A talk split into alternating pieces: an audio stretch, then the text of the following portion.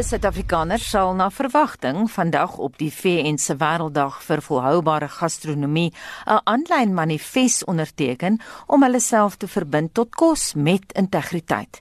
Dis als deel van die amptelike bekendstelling van die Heal the Land, Heal the People inisiatief. Nuwe navorsing toon intussen dat die COVID-19 pandemie mense dwing om hulle dieetvoorkeure te herëvalueer omdat dit ook die verband tussen voedsel en gesondheid onderstreep. Die navorsingsreis FMCG het meer as 23000 mense in 18 lande gepols oor hoe die pandemie hulle eetgewoontes verander het. 73% sê dat hulle nou twee keer dink oor wat hulle eet en drink en 59% is meer bewus van hulle algemene gesondheid. Die kosskrywer en kulinaire kommentator Irida de Toey sê COVID-19 het 'n verrykende invloed op mense se koskeuses gehad. Ek is glad nie verbaas dat mense hulle kombuise weer herontdek nie. Familieresepte uitgrawe en weer leer om brood te bak nie. Wat ek dink om jou eie brood te bak, gee mense gevoel van beheer in 'n baie onseker wêreld. Dan iets baie positief wat uit ons nuwe normaal kom, is dat mense nou ander alternatiewe etiese verskaffers in hulle eie omgewing vind. Mense hoor al hoe meer die woord hiperplaaslik en dit gaan oor die ondersteuning van die plase in jou kontry. En ek bedoel 'n stedeling kan nou gesonde vars produkte by die voordeur afgelaai kry. COVID-19 het ook uitgelig wat 'n groot emosionele en sosiale rol kos in ons lewens speel. En ek dink ons gaan gou weer onderskat hoe belangrik dit is vir ons welstand om saam met ander mense op die tafel te wees nie dit is vir my alles deel van hierdie herontdek van kos met integriteit. Ondanks dit ervaar die dieetkundige en televisiepersoonlikheid Andrea Du Plessis dat baie ouers vanweë werk en ander druk tydens die Grendelstaat nog ongesonde koskeuses maak wanneer dit by hulle kinders kom. Hulle is honger vir opsies wat vinnig en maklik is. 'n Gesonde kos is uiters belangrik vir die gesondheid en die ontwikkeling van kinders, veral nou tydens die pandemie. Ongelukkig soos ons al reeds gesien het, die kitskosse is baie gewild, maar dit kan bydra tot gesondheidsprobleme. Dis baie bekend dat die gereelde inname van suiker en verfynde stysels bydra tot ongesonde gewigtoename, wat nog 'n probleem nou is veral met die dat kinders nie baie aktief is nie. Hierdie kosse help natuurlik ook nie met die kinders se leervermoë nie. Kossoorte wat konsentrasie en leervermoë ondersteun, sluit in eiers en dan 'n gewilde dis in die winter viskoekies, veral omdat dit gemaak is met sardientjies wat daai gesogte omega-3 olies bevat wat die breinselle voed. De Toey bepleit 'n wegbeweeg van kitskos na wat sy storiekos noem. Kitskos is 'n kommoditeit. Dis dikwels fabriek gemaak en dis waar jy as eter eintlik geen idee het wat alles daarin is en waar die bestanddele vandaan kom of onder watter omstandighede dit gekweek of vervaardig is nie. Dis 'n vlietende ervaring wat jy met hierdie kos het. En ek wil dit amper noem dis die one night stand van die koswêreld. Nou daarteenoor storiekos, dis die kos waarmee ons 'n emosionele of 'n sosiale verbintenis het. Storiekos is die goeie kos wat met toewyding en 'n ingesteldheid van omgee gemaak word.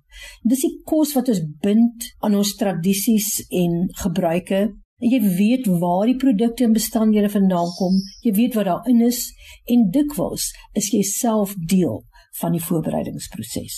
Maar is kos met integriteit uiteindelik nie net 'n duur bemarkingsfofie wat verbruikers uitbuit nie? Etiese kos is lekker kos en hoef glad nie duur te wees as jy so vars as moontlik, so seisoonaal as moontlik en so plaaslik moontlik koop en kook nie. En eties verboude produkte smaak gewoonlik so lekker dat hoe eenvoudiger jy dit gaar maak, hoe meer kom die integriteit en die natuurlike smake van die kos na vore. En ek moet eerlikwaar sê as 'n mens ooit getwyfel het oor gesonde kos en smaak, as jy daarmee 'n slag weer 'n lekker skrophoender wat eties groot gemaak en hanteer is en so natuurlik moontlik gaar gemaak is saam met 'n braai aartappel wat in die groenteboks gekom het mensdom min dinge kan so heerlik wees en daar's mos nie 'n prys op 'n mens se gesondheid te sit nie So sê die kosskrywer en kulinaire kommentator Irida de Toey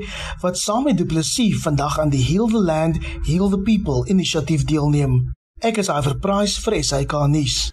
Dis nou 16 minute oor 7 en ons bly by die onderwerp en praat met twee direkteure van die Integra Trust wat volhoubare en herlewingslandbou bevorder. Hulle glo dat klimaatvriendelike landboupraktyke nie net voedselproduksiestelsels kan herstel nie, maar ook genesing vir Suid-Afrikaners kan bring. En op die lyn is James Blighnout, 'n hulpbron-ekonoom en professor in omgewingsekonomie aan die Universiteit Stellenbosch, sowel as Dr Pieter Prinsloo, 'n boer van Queenstown. Goeiemôre James en Pieter. Goeiemôre Gustav. Kom ons begin by jou James. Wat is herlewingslandbou?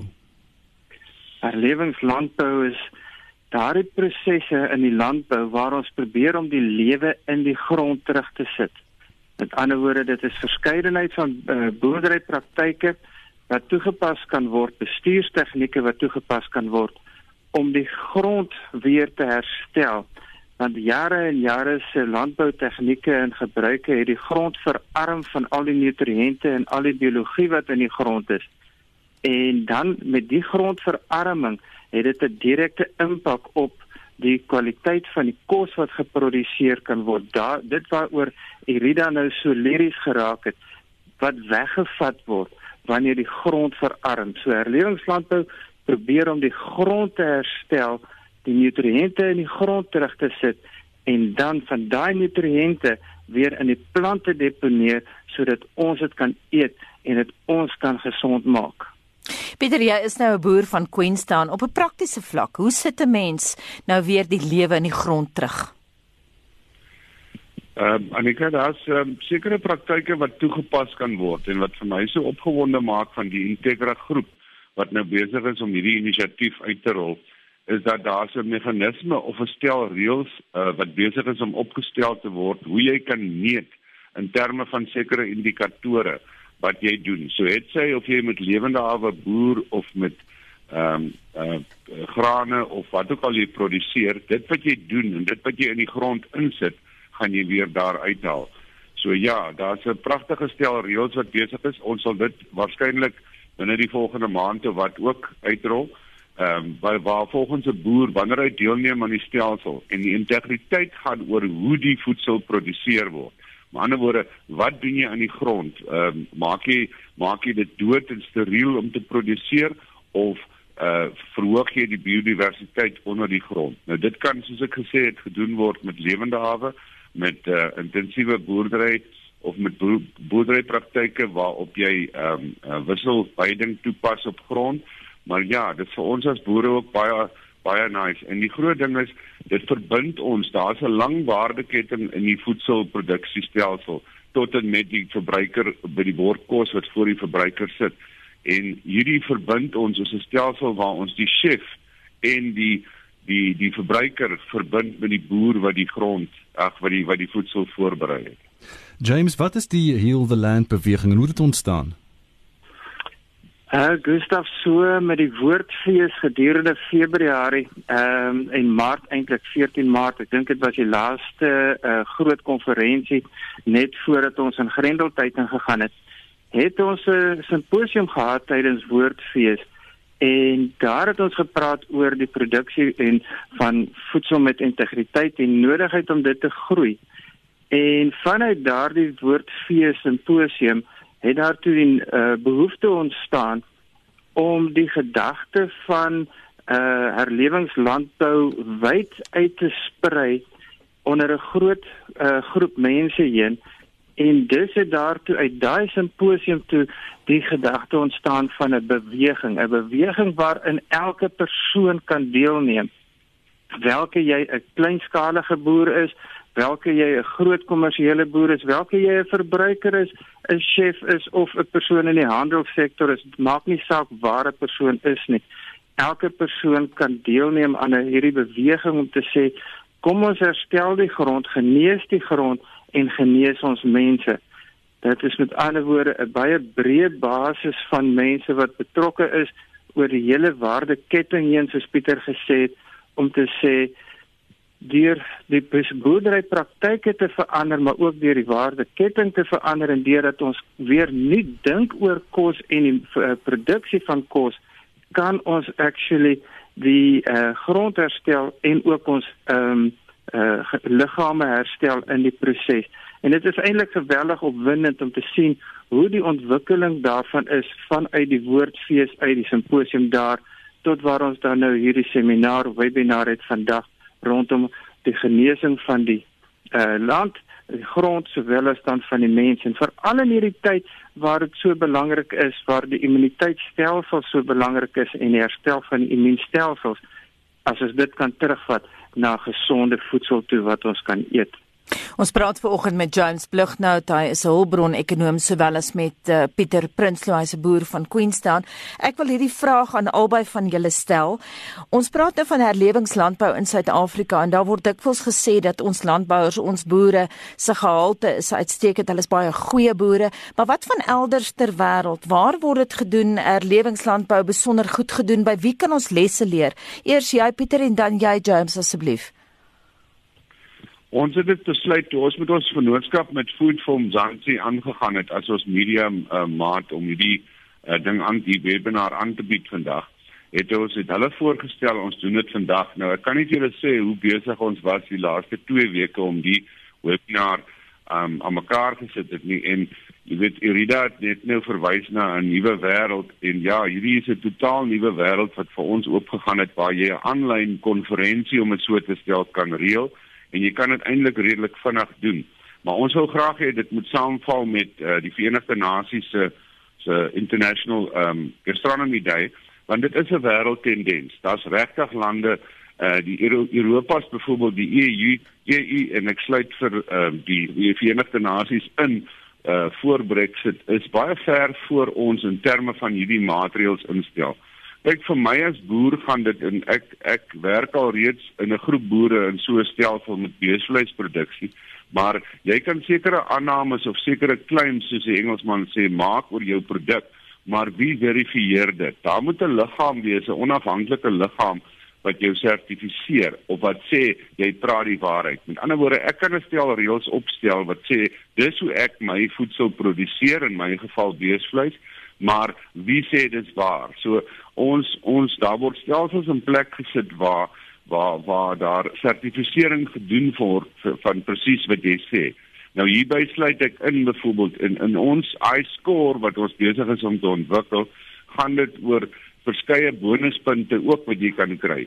Met ander woorde, daar's ook 'n groot ehm um, uh ding in die nuus op die oomblik oor die welsyn van diere ehm um, met die uitvoer van die lewendige skape van die skip maar jy weet uh, eh, Green World byvoorbeeld is 'n internasionale organisasie wat 'n pragtige stel reëls het in terme van dierewelsyn en ek is trots om te sê dat my stelsel en ons boere is gesertifiseer daardeur so ons het 'n sertifikaat om te wys as ons vir jou sê ons gee om oor die welsyn van ons diere dan het ons iemand wat ons inter, weet onafhanklik geverifieer het en en en gesê dit is so. James? So ja, um, dit totale internasionale ehm um, um, um, stelsel. James enige land by wie ons iets kan leer? Ja, weet jy daar's 'n geweldige groot beweging uh, in herlewingslandbou wêreldwyd. Uh leiers in ehm um, Amerika, uh mense soos Guy Brown wat vooraanstaande persone is binne in die herlewingslandbou beweging ook in Australië. Toenemend wat daar 'n golf is wat sê ons moet eintlik na die biologie in die grond kyk as ons wil sien hoe ons moet boer. Eintlik boer ons nie met beeste nie, ons boer met gras en die gras is die produk van hoe gesond ons grond is en die diere wat daar vandaan kom, die beeste is dan die nuwe produk. Dit is 'n totaal nuwe manier van dink rondom boerdery wanneer 'n mens begin dink in terme van ehm um, grondgesondheid en uh, biodiversiteit. En ja, Amerika is 'n baie is 'n voorloper daar Australië is daar goeie voorbeelde daarvan en ons leer daarbey, maar ek moet sê ons plaaslike boere staan nie terug nie. Hulle is werklik waar pioniers ook. Uh en ons gaan vandag tydens die seminaar wat ons aanbied, gaan ons na van hulle luister in terme van die suksesverhale wat hulle hier in Suid-Afrika het binne in 'n verskeidenheid van kontekste, welke dit dan kleinskalig is of groot uh, groot boere of in enige van die verskillende bedryfstakke welke dit dan in druiwe is of vrugte is die konsepte kan oor enige verskillende um, bedryfstakke toegepas word. Baie geleer internasionaal maar nou is dit die uh, uitdaging om dit plaaslik toe te pas en ek dink ons kan werklik trots wees op wat ons boere alreeds vermag het binne in Suid-Afrika uh deur van die beginsels in die praktyke plaaslik toe te pas. James Bay mense is natuurlik skrikkerig vir die idee van 'n beweging wanneer ons baie keer politieke of geloofskonnotasies daarbey betrokke. Is daar enige struikelblokke in julle pad? Nee, dit is nie 'n geloofsorganisasie nie, dit is nie 'n politieke party nie. Dit is doodnoodig 'n groep uh, uh persone, 'n uh, waardegedrewe um, gemeenskap wat sê ons wil graag 'n bydrae lewer tot die herstel van die grond en herstel van mense. Daar is nie 'n uh, politieke party ter sprake nie, daar is nie 'n uh, geloofskonnotasies uh, nie. Dit is doodnoodig 'n wat sê uh, elke persoon wat omgee vir mense, omgee vir ons land se toekoms, uh, kan deelneem aan hierdie beweging.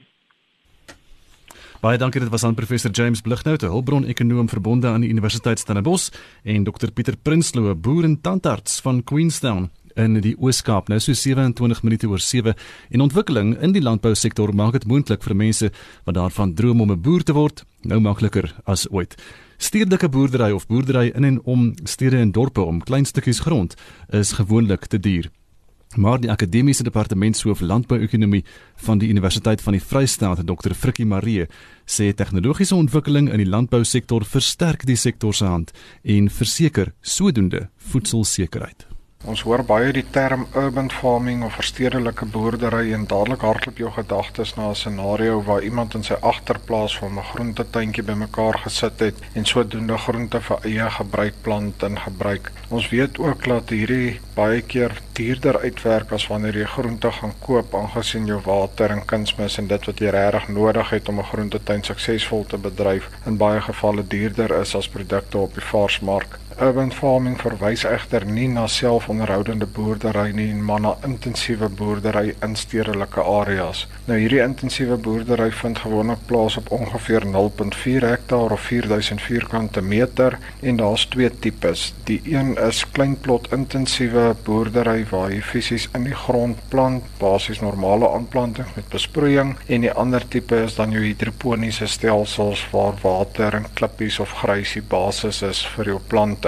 Nou alhoewel beide van hierdie stelsels kan gevolg kan word, het navorsing bewys dat jou hidroponiese stelsels gewoonlik meer winsgewend is en beter bestuur kan word. Vir 'n 0.4 hektaar hidroponiese stelsel is jou insetkoste redelik hoog, jou kapitaalkoste, maar Die geld wat gerealiseer kan word daarmee is ook baie goed met 'n bruto marge van tot by 'n miljoen rand as jy byvoorbeeld blaarslaai kan plant. Ander gewasse wat goed werk in hierdie stelsels is iets soos tomaties en komkommers en as jy dalk 'n warehouse of 'n store het wat leeg staan, is hidroponiese boerdery 'n goeie opsie om te oorweeg as 'n inkoms om jou inkomste aan te vul en sodoende meer geld te realiseer.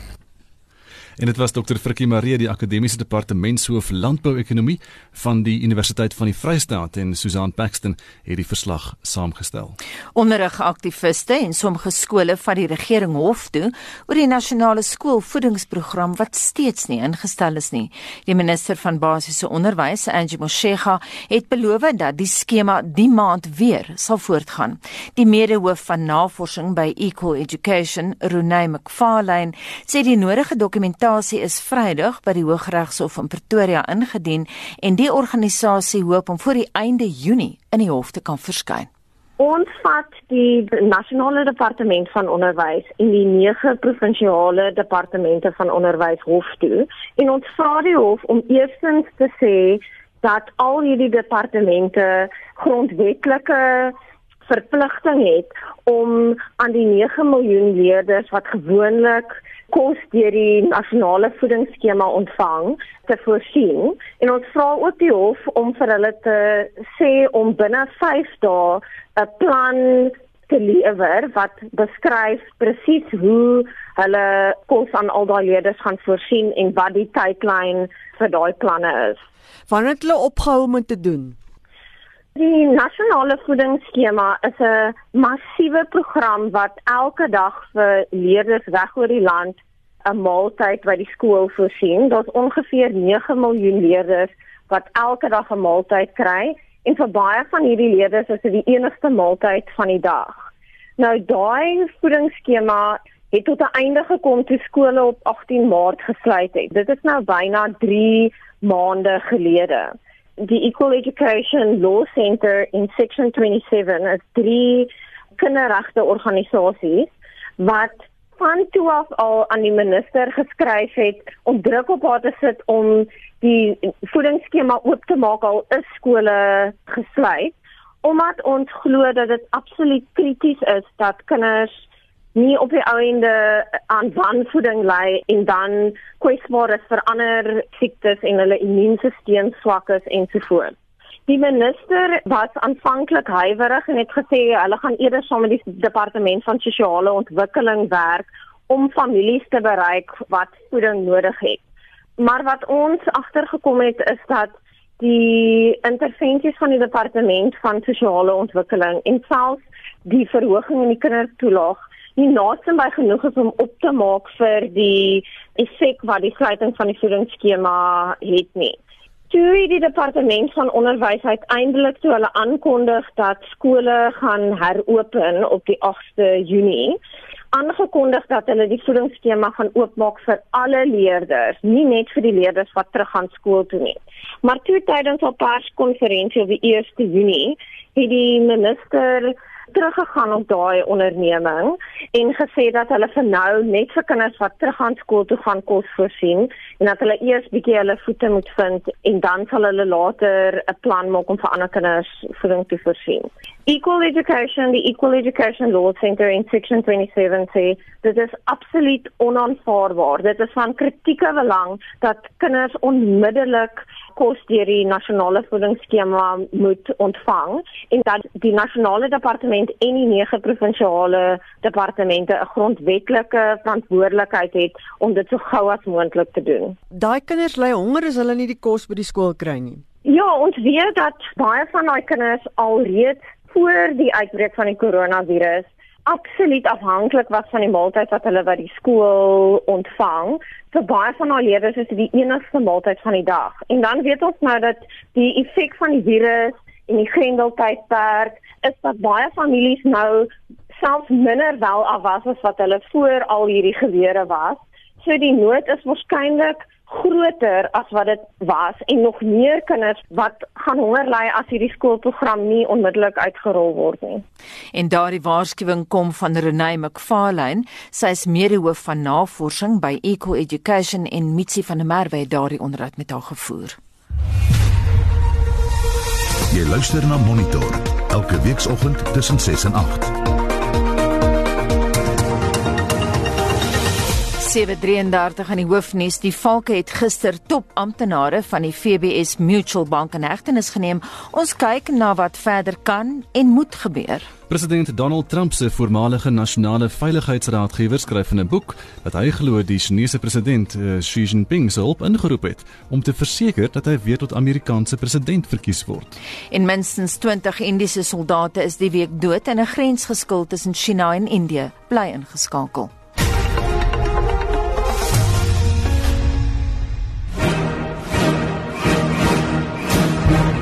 Ontmoet die bliksemstraal. Flash is sy gunsteling karakter soos jy kan sien. Die groot geel blits op die rooi agtergrond voor op die neus. Bliksemstraal. Flash. Aha! Savior of the universe. Down, down, down, down. Baba blue bird, eat my dust. Ja, ek sien Gary. Wow, die die detail is verstommend. It's elementary, my dear Watson. Observe Watson, observe. Die bliksem deur Martyn Leroux vanaand 8uur in radioteater. Gary, hoor jy wat ek sê? Frankly my dear, I don't give a damn. Gone with the wind. Mm, hy is 'n vies oor jy moet gaan. Lyk my ek het nou kompetisie. Hoe nou tannie? Net die feit dat hy jou toelaat om aan sy kunswerke te vat, is al 'n enorme ding. Ek het nie gedink ek sal die dag sien nie.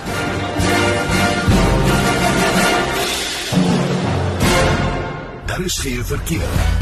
En ons kyk wat nog aktief is in hierdie stadium, 'n botsing op die N12 ooswaarts net na die Uncle Charlie's uh, wisselaar. Die middelbaan is daar versper. Dan in Midrand, 'n vragmotor het omgeslaan op die N1 Noord, net so by die Ellendale uh, afrit en die afrit is nou versper. Jy moet maar die Pretoria myn uh, pad nee, jy moet nou maar op Erndale weg deur Kyalami ry sê hulle, want daar's 'n groot gemors daar aan die gang met die N1 Noord Ellendale die vragmotor wat omgeslaan het daar. Dis in die stadium die verkeer wat ons het. As jy weet van enigiets anders, kan jy vir ons 'n SMS aanstuur na 45889 en dit kos R1.50. Dis nou 7:35 en kom ons hoor by Wins wat sê ons luisteraars. Ons praat onder meer oor gisteraand se toespraak deur ons president Vincent. Anita, die mense lewe nog steeds kommentaar oor ehm um, die kos situasie. Is mos wat jy eintlik eet. En ons vra hulle vandag ehm um, hoe belangrik is kos vir hulle en waarna kyk hulle as hulle inkopies doen. En hierse is Barend van der Merwe wat sê ek soek Suid-Afrikaanse produkte al betaal ek meer. En dan reageer Elvis Morolong op 'n ander um, kommentaar op Facebook um, waar hulle gesels oor hoe boere vermoor word en dat daar niks gesê word gesê was deur die president gisteraand nie. Maar Elvis het 'n goeie kommentaar hier en hy sê um, ek verstaan glad nie waarom daar onderskeid getref word oor wie die ontvanger van geweld is nie. Geweld is 'n onding en maak nie saak waar dit voorkom nie. Elke lewe is kosbaar. Kom ons begin by die kinders van vandag en besoor geweld sonder vingerwys en of te beweer dat 'n ginekoloog se lewe minder belangriker is as die van 'n boer en of 'n weerlose kind of 'n vrou. Ek is lief vir al my familie en ek glo jy ook, nie net vir die wat plase wat by plase werk nie en ek het baie wat op plase werk sê Elvis. Randy Young se kommentaar is ek hou daarvan om lokaal te koop sê hy. Geneties gemanipuleerde produkte is vir my taboe. Um, ek koop eerder 'n butternut, 'n appel, tamatie en so voort met 'n merk op as 'n glansende produk op 'n winkelrak. Ek glo baie gifstowwe word onwetend ingeneem deurdat die mense ehm um, is wat nie altyd bly op voorskrifte van gif of toedienings op produkte meen hy daar. So ek sê die mooiste produk op rak is nie altyd noodwendig die beste voedsame produk op die rak nie. Jean Smith sê 'n gesonde lewenstyl begin altyd by groente en vrugte. Maak nie saak hoe jy dink oor gemorskos nie. Vrugte kan ek minimaal bekostig, asook vleis kan ek nie bekostig nie en die naaste vir my daaraan is 'n stukkie mins en 'n hoender. Wat my getref het van die president is dat hy sewe name genoem het van die vermoorde vroue, maar nie een van 'n vermoorde boer nie. Sonder 'n boer het jy geen groente, vrugte of vleis nie. So die president glo ook jy koop dit in Checkers om die hoek is Jean Smith se mening. Dan wil ek 'n laaste een lees van Peer Groenewald wat sê die feit dat die regering die moord op boere ignoreer, bewys jou net um, hulle is betrokke en as die rasse haat deur die president en sy regering en oppositiepartye aangeblaas word, twyfel ek of ons gaan boere oor hê om voedsel te produseer. Is Jean se reaksie daar. So ons wil by jou weet vandag, hoe belangrik is kos in jou lewe? Waarna kyk jy as jy inkopies doen en waar koop jy jou kos?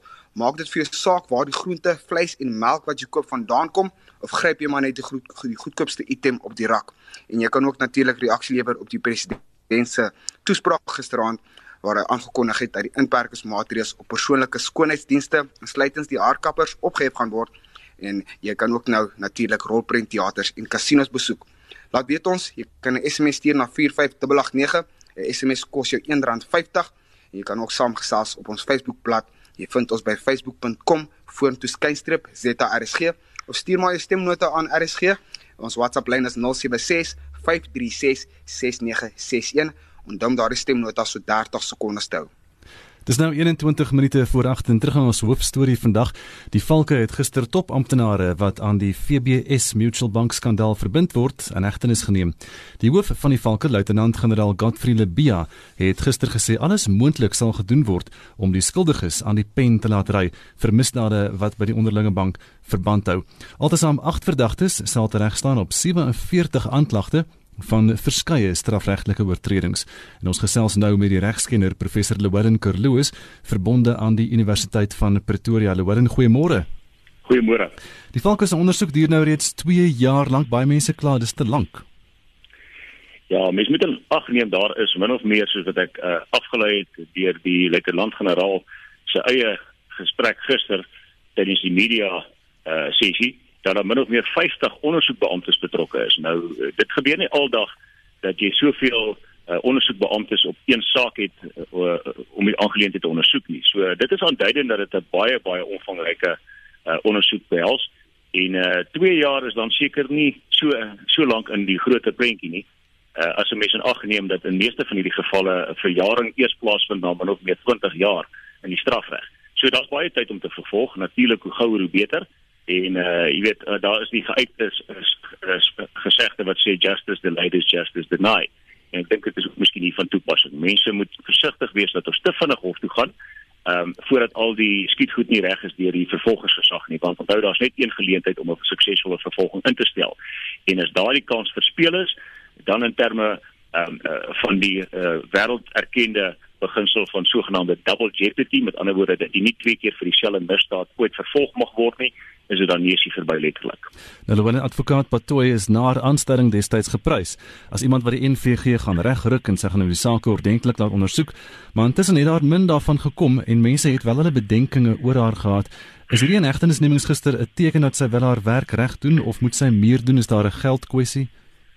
Ja, die probleem waarmee sy sit, is sy kan net 'n saak hof toe vat um, as hoof van die vervolgingsgesag nadat daardie saak ondersoek is en op haar tafel beland het vir vervolging. Dit wat dit voorafgaan is natuurlik in die hande van die Suid-Afrikaanse Polisie Diens.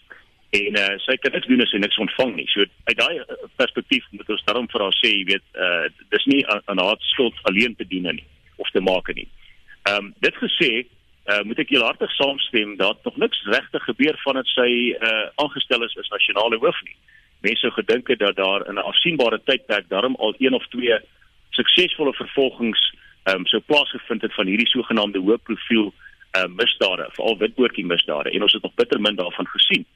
Ehm um, inteendeel uh, volgens haar bewoording gister is hierdie 'n mylpaal wat sy bereik het. Nou ja, ehm um, 'n mylpaal weet uh, beteken in my oë 'n suksesvolle vervolging. Ehm um, dit gesê ons is nog bitter ver van enige vervolging af en ons is nog verder weg van 'n suksesvolle vervolging. So ehm um, letterlik moet ons nou maar eers wag vir daardie pleintjie om haar kant te kom wanneer daar eendag 'n suksesvolle vervolging plaasgevind het. Hier is maar net die eerste preliminêre stappe in 'n baie baie lang proses wat nog gaan volg. Nou die 47 aanklagte waarop die verdagtes tereg staan, uh, sluit in rampokkery, daar's diefstal, bedrog, korrupsie, geldwasery en gemeenregtelike oortredings en dis alledaagse aanklagte, maar hierdie FBS saak is baie kompleks, nou oor die manier hoe die geld gesteel is. Ja, daar is daar is natuurlik ag as mense dit afbreek na 'n doodgewone leuke taal toe dan kom dit neer op 'n sogenaamde Ponzi skema. Ehm um, niks anders as dit nie. Daar is hier sprake van 2 um, miljard rand en meer wat betrokke is en dit is natuurlik 'n geweldige klomp geld. Ehm um, laat ons sommer eerlik wees met mekaar, dit is nie dinge wat 'n mens sommer net op 'n daaglikse basis hier en weer in 'n bankrekening kan nagaan en kyk hoe die geld geskuif is nie. So ek sal nie verbaas wees ehm um, dat daar waarskynlik nog vervolgings gaan plaasvind en ander eh uh, beskuldigdes ook nog gevoeg sal word op 'n later stadium of miskien afsonderlik aangekla gaan word nie. Hierdie is nou maar net die die mense wat direk eerstehands verbind kan word met ander woorde die voorsitter van die FBS bank self uh, sekere uh, ouditeur of so van KPMG wat natuurlik die die auditstate afgeteken het.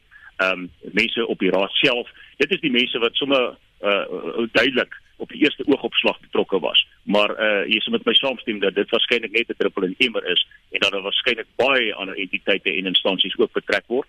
Daar word selfs 'n melding gemaak van politieke amptenare wat hoë profiel politieke amptenare wat moontlik betrokke is. Um so ek vermoed dat hierdie maar net die druppel in die emmer is in die begin van 'n lang proses is. Um wat ons ook moet in in ag neem is natuurlik jy weet dat elke beskuldigde uh, onskuldig geag word totdat hy eendag skuldig bevind is. Met ander woorde, ehm um, uit 'n grondwetlike perspektief is daar natuurlik baie regte wat hierdie beskuldigdes toekom nou dat die vervolging in oog gestaar word. Uh hulle moet vandag in die Palm Ridge Landdroshof verskyn. Ehm um, dit is waarskynlik nou maar net die eerste stap en dan van hier af begin die voorbereiding vir die verhoor. En ek vermoed ons gaan nie uh, die verhoor sien plaasvind uh nou al nie. Ek dink iewers in volgende jaar op die vinnigste as jy my vra.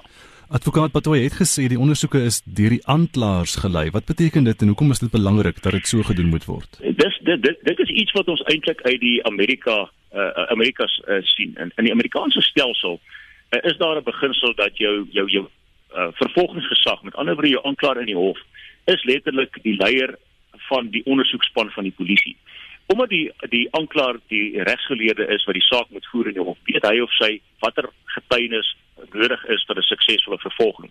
En hy moet letterlik daardie ondersoekbeamptes, daai span polisiebeamptes touwys maak om te sê gaan soek vir my daardie inligting. Kom ek help julle. Dit is waarna ek wil wat ek soek ensovoorts. Dis 'n ding wat nie normaalweg in uh, in die geskiedenis in Suid-Afrika tuis gehoor het nie, maar uh, dit is 'n tendens wêreldwyd en ek dink dit is 'n baie goeie tendens want die persoon wat uiteindelik in die hof staan met die dossier is die aanklaer en daardie persoon weet wat hy benodig om 'n suksesvolle vervolging uh uh weet in te stel en derhalwe is dit goed dat so 'n persoon die leier is dan van die span wat die ondersoek lei. Nou advokaat Patoy het wel gesê die ondersoek en die vervolging word uh, so deeglik en so gou as moontlik afgehandel. Kom ons luister gou na wat sy gesê het hier. Kom ons luister gou wat uh, advokaat Patoy so gesê het. Yeah. We are, as a prosecution, intent upon these matters being finalized as speedily as possible. But what we have found in a number of high profile cases is that there is a strategy to delay matters. The prosecution can't really control that, but we have decided that as the NPA, we are going to take a much more vigorous stance with regard to these dilatory tactics. Wat is jou reaksie daarop op die vertragingstaktieke? Ja, dit gaan jy altyd kry. Ek meen dit is 'n normale tendens en dit is nie noodwendig die die verdediging wat dit uh, initieer nie. Dit is baie keer net hoe die grondwetlike regte hulle self uitspeel. Ehm um, ja, dit is so. Ek ek ek meen dit is 'n verseker 'n aantuiging wat deur wat deur die vervolgingsgesag baie keer teen die verdedigingsspanne gemaak word en in sekere gevalle is daar meriete daarin. Maar van daardie uh, strafproseswet wat in artikel 342 groot A voorsiening maak juis vir daardie tipe van situasie waar 'n hof dan ingryp en sekere bevele maak indien die hof van oordeel is dat hierdie sogenaamde Stalingrad tegnieke gebruik word met ander woorde vertragingstegnieke. Uh en dit is my verbasing dat sy opmerk dat hulle nou eers daardie tipe van uh harde uh standpunt gaan inneem. Ek sou verwag het dit moes nog altyd so gewees het. Uh maar dit gesê daar is meriete daarin, maar dis daarom nie so eenvoudig soos wat jy dit laat klink nie uh, dit moet afgeweeg word teen die gebalanseerde regte wat 'n beskuldigde natuurlik het in terme van die grondwet wat 'n uh, uh, wêreldwyd erkende beginsels is. En dan natuurlik verskeie hoë profiel politici word by die saak betrek. Dis nou die staatskapers wat die hele wêreld en beleggers graag wil sien vervolg word. Dink jy die valke in die NVG die moed om hulle in diepte te ondersoek en 'n hegtenis stream dalk oor 'n jaar van nou af as die politiek weer verander het? Wel, dit kan miskien 'n verskil maak tussen 'n uh, uh, doodgewone as jy hoof van die nasionale vervolging en die uitstaande hoof van die nasionale vervolging. Ek meen um, as jy dit so reg kry om daardie persone voor stok te bring, um, dan het sy natuurlik haar woord verstand gedoen wat sy onderneem het 'n paar jaar gelede toe sy aangestel is. En ek hoop van harte dat dit inderdaad uh so sal wees dat sy die moed van haar oortuiging sal hê om haar nie te laat voorskryf en beteer deur politici en al hulle uh bedrieglike wanvoorstellings wat hulle op 'n daaglikse basis glo blyklik pleeg nie. Ehm um, so ons sal maar moet sien. Ek ek dink dis te vroeg om te sê dat daar was nog geen suksesvolle vervolging wat daardie aspek aanbetref nie en ek dink dis prematuur om nou al sulke tipe van opmerkings te maak en te vra of uh of jy of sy moet van haar oortuiging het. Dit tyd sal leer. En ek uh, ek wil die voordeel van die twyfel gee. Ek dink uh uit haar posisie is sy die een persoon wat dit kan bewerkstellig. Uh maar dit gaan natuurlik uh, durf en daad uh van haar verg en ek hoop sy het die moed van haar oortuiging om dit dan presies te doen. Llewellyn baie dankie. Ons het gesels met die regskenner professor Llewellyn Kerloos verbonde aan die Universiteit van Pretoria. Internasionale nuus die voormalige nasionale veiligheidsraadgewer van die Amerikaanse president sê in 'n nuwe boek Trump het glo die Chinese president se hulp ingeroep om te verseker dat hy weer tot president verkies word. Essie de Klerk het al die agtergrond. Goeiemôre Estie. Anita John Bolton, Trump se voormalige nasionale veiligheidsraadgewer, skryf ook in die aardskuddende boek wat reeds deur die Amerikaanse media gelees is. Trump wou hê China moes plaasprodukte van Amerika se boere koop en Bolton sê ook Trump het derentyd oningelig gebly oor hoe om die Withuis te bestuur. Die 577 bladsy boek getiteld The Room Where It Happened is veronderstel om 23 Junie in boekwinkels beskikbaar te wees, maar die Trump-administrasie probeer die uitreiking van die boek stop. Die departement van justisie het gisterand 'n dringende interdik aangevra om die uitreiking te staak, maar die uitgewer, Simon & Schuster, het in 'n verklaring gesê Die aansoek tot 'n dringende hofaansoek is 'n ligsinnige politiek gedrewe oefening wat nutteloos is. Die uitgewer sê honderde duisende kopieë van die boek is reeds oor die wêreld heen versprei Anita. En dan uh, ons bly in die FSA vir 'n oomblik is die waar die polisiebeampte wat op Richard Brooks geskiet het waarna hy dood is, nou van moord aangekla gaan word. Ja, die polisiebeampte Garrett Rolf is reeds afgedank. Hy staar 11 klagte in die gesig waaronder moord en aanranding. As hy skuldig bevind word, kan hy die doodsvonnis opgelê word. Volgens polisiebeamptes sal die ander polisiebeampte wat ook op die toneel was, Devin Brosnan, 'n staatsgetuie in die saak wees. Die voorval het gebeur slegs dae na die dood van George Floyd in Minneapolis, waarna grootskaalse protesoptogte reg oor die land opgevlam het oor veral polisie brutaliteit teenoor swart Amerikaners. Wetgewers in Washington debatteer op die oomblik um nuwe wette op polisie hervorming en hier is wat die Republikeinse senator Tim Scott gister gesê het. Too often we're having a discussion in this nation about are you supporting the law enforcement community or are you supporting communities of color? This is a false binary choice.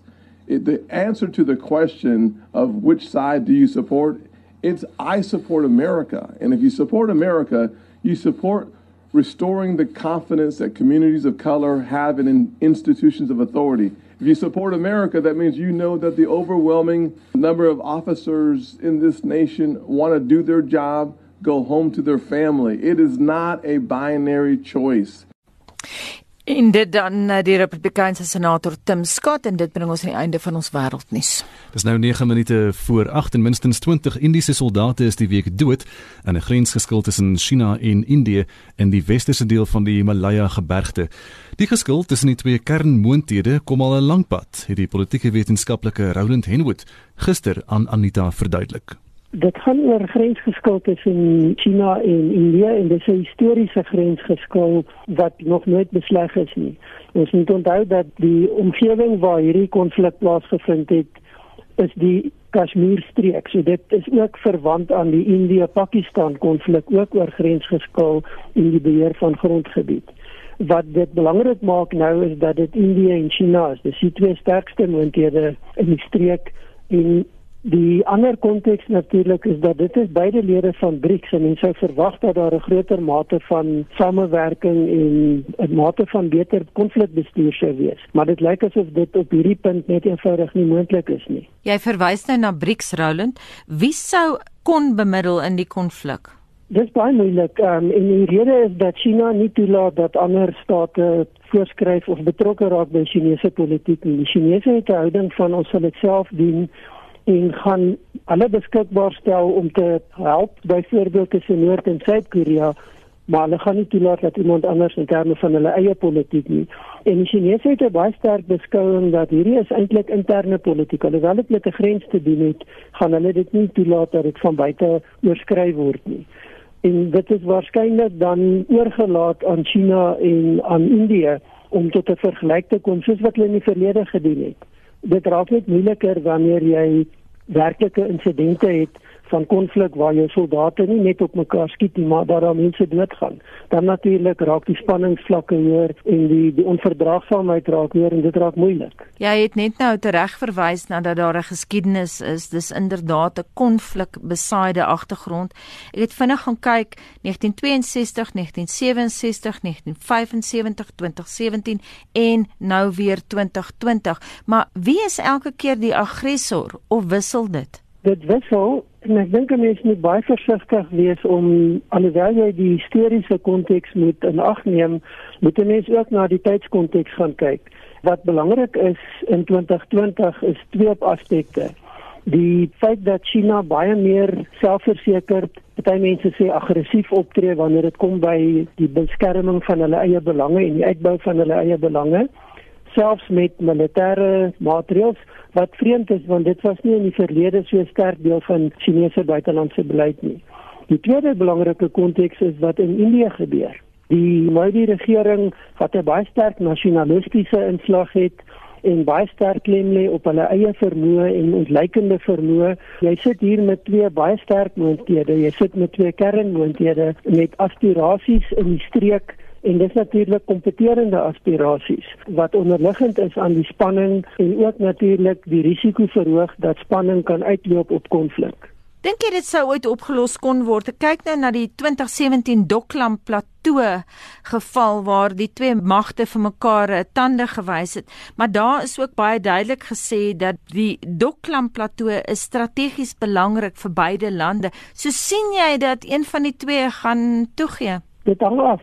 Dis onwaarskynlik dat ons 'n volskaalse oorlog gaan sien hier, maar dat die konflik bestuur word op 'n manier dat nie een van die twee eintlik die aftog hoef te blaas as verleerder nie, is waarskynlik wat almal in gedagte het. Die probleem is dat beide het belangrike strategiese belange en perspektiewe en as jy toegee op daai punt dan is dit nie net 'n kwessie van 'n strategiese toegewing nie. Dis ook 'n toegewing wat langtermyn implikasies kan hê en wat en, en ek dink dit is die vrees wat byvoorbeeld by India bestaan. Sou hulle nou toegee dan gaan China dit eenvoudig gevolgene uitstel en die Chinese het natuurlik dieselfde perspektief. Hulle kan glad nie bekostig om te sien dat hulle toegee nie want dit word dalk as swakheid beskou. Wat ook van buite af inspel is natuurlik ander rolspelers. Die FSA se teenwoordigheid in die streek en die dinamika wat dit inbring in die interverhoudinge. Dit is alles faktore wat belangrik is. Die Chinese is baie versigtig vir die beeld wat hulle rol skep, nie as 'n aggressor nie, maar ook nie as 'n swak moondheid wat dit eenvoudig heen en weer gestoot kan word nie. Die Chinese kyk op 'n globale perspektief na die konteks daar. Wat sê die boodskap van wat hulle doen byvoorbeeld in die konflik oor die Suid-Chinese See en die eilande? Hmm. En wat sê dit rondom ander streekskonflikte wat bestaan en hulle verhouding bilaterale verhouding met ander moondhede? So daar's baie op die spel En dit is hoekom die risiko van konflik daar is, maar waarskynlik sal op een of ander manier 'n ooreenkoms bereik word en ek voorsien op die kort termyn is daai uitkoms waarskynlik dat die status quo gehandhaaf word dat die magte op die grense opdrag kry om terug te hou maar niemand gaan toegee of wegstap nie. Dit moet baie kommerwekkend vir die buurlande wees soos byvoorbeeld Japan. Dit is kommerwekkend en dit is deel van die streeksdinamika die Japaneese is baie bekommerd oor China se houding die wat ek net verwys het na die aggressiewe beeld wat China uitdra. Die Vietnamese is geweldig bekommerd en ongelukkig oor die rol wat China speel. En ek dink dit is die belangrike konteks dat hier gaan dit nie oor historiese bondgenote nie, dit gaan oor die politiek van vandag en die toekoms. En almal weet daar's belangrike uitkomste op die spel wat toekomstige verhoudinge maar ook geleenthede gaan beïnvloed. En binne die streekskonteks vind 'n mens dat daar 'n geweldige versigtigheid is vir wat China doen en op baie vlakke word dit openlik teengestaan veral op die diplomatieke vlak. Maar die Chinese op die stadium lyk nie asof hulle hulle daardeur laat lei nie. Dit lyk asof eie belang vooropgestel word en dit is wat deurslaggewend is. En jy laas soos dikwels die geval is kan die kruks van die konflik teruggetrek word na die Britse koloniale heersers toe. Maar dit is een van die nalatenskappe en dit is dat grensbesluite maak nie altyd sin nie, is nie altyd geografies gefundeer nie en natuurlik die ooreenkomste van die verlede waar daar half 'n uh, ooreenkoms 'n gentleman's agreement tot 'n sekere mate bestaan het tussen politieke leiers is natuurlik nie goeie grensbeleid nie. En dit is hoekom hierdie tipe konflikte en probleme herhaal totdat die grensprobleem opgelos is. En dit dan die mening van die politieke wetenskaplike Roland Henwood wat gister met Anita gepraat het. Vinnig wat nog aan die verkeer aan die gang is, 'n voertuig staan op die N2 inwaarts by die hospitaal draai in Kaapstad. Die linkerbaan is toe, maar die verkeer lyk of dit vloei daar by die voertuig wat staan. In Gauteng is daar 'n probleem. Die N1 noordwaarts by Ellendale en Midrand, 'n vragmotor het omgeslaan en die verkeer staan ver terug. En dan is daar ook 'n situasie op die N3 suidwaarts, dis net nou skoon daar, maar aan die N12 ooswaarts na Uncle Charlie's, daar is 'n botsing, 'n kettingbotsing en die middelbaan is versper. Vanaand tyd vir laaste klankgrepe van ons luisteraars. Môre. Ek wil net weet, ek kan nou nie vir my vriende gaan kuier nie, maar ek moet hulle dan net maar saam met my vat en dan gaan sit ons maar in die restaurant en kuier. Is dit hoe dit nou gaan werk? Goeiemôre, my naam is Elsje. Ek dink glad nie soos die vorige ou gesê het, die ouens met die geslagsgeweld en moorde moet toegesluit word nie, want dit is te lekker in ons tronke. Ek persoonlik dink die doodstraf moet terugkom. En ons hoor by Estie Lucky dagboek vandag. Ons kry reaksie uit verskeie oorde op president Cyril Ramaphosa se aankondiging gisteraan dat verslappingsmaatreëls in verskeie sektore van die ekonomie aangebring gaan word. Skakel in tussen 1 en 2 vir Spectrum. En daarmee groet ons namens ons waarnemende uitvoerende regisseur Hendrik Martin, die man in die warm stoel vanoggend, Justin Kennerly, ons produksieregisseur Lewona Bekes en my naam is Anita Visser. Bly ingeskakel vir Praat Saam volgende op RSG met Lenet Fransis Puren. Ek is Gustaf Vreiling en mooi bly tot môreoggend om 6uur. SAK nuus. Onafhanklik, onpartydig.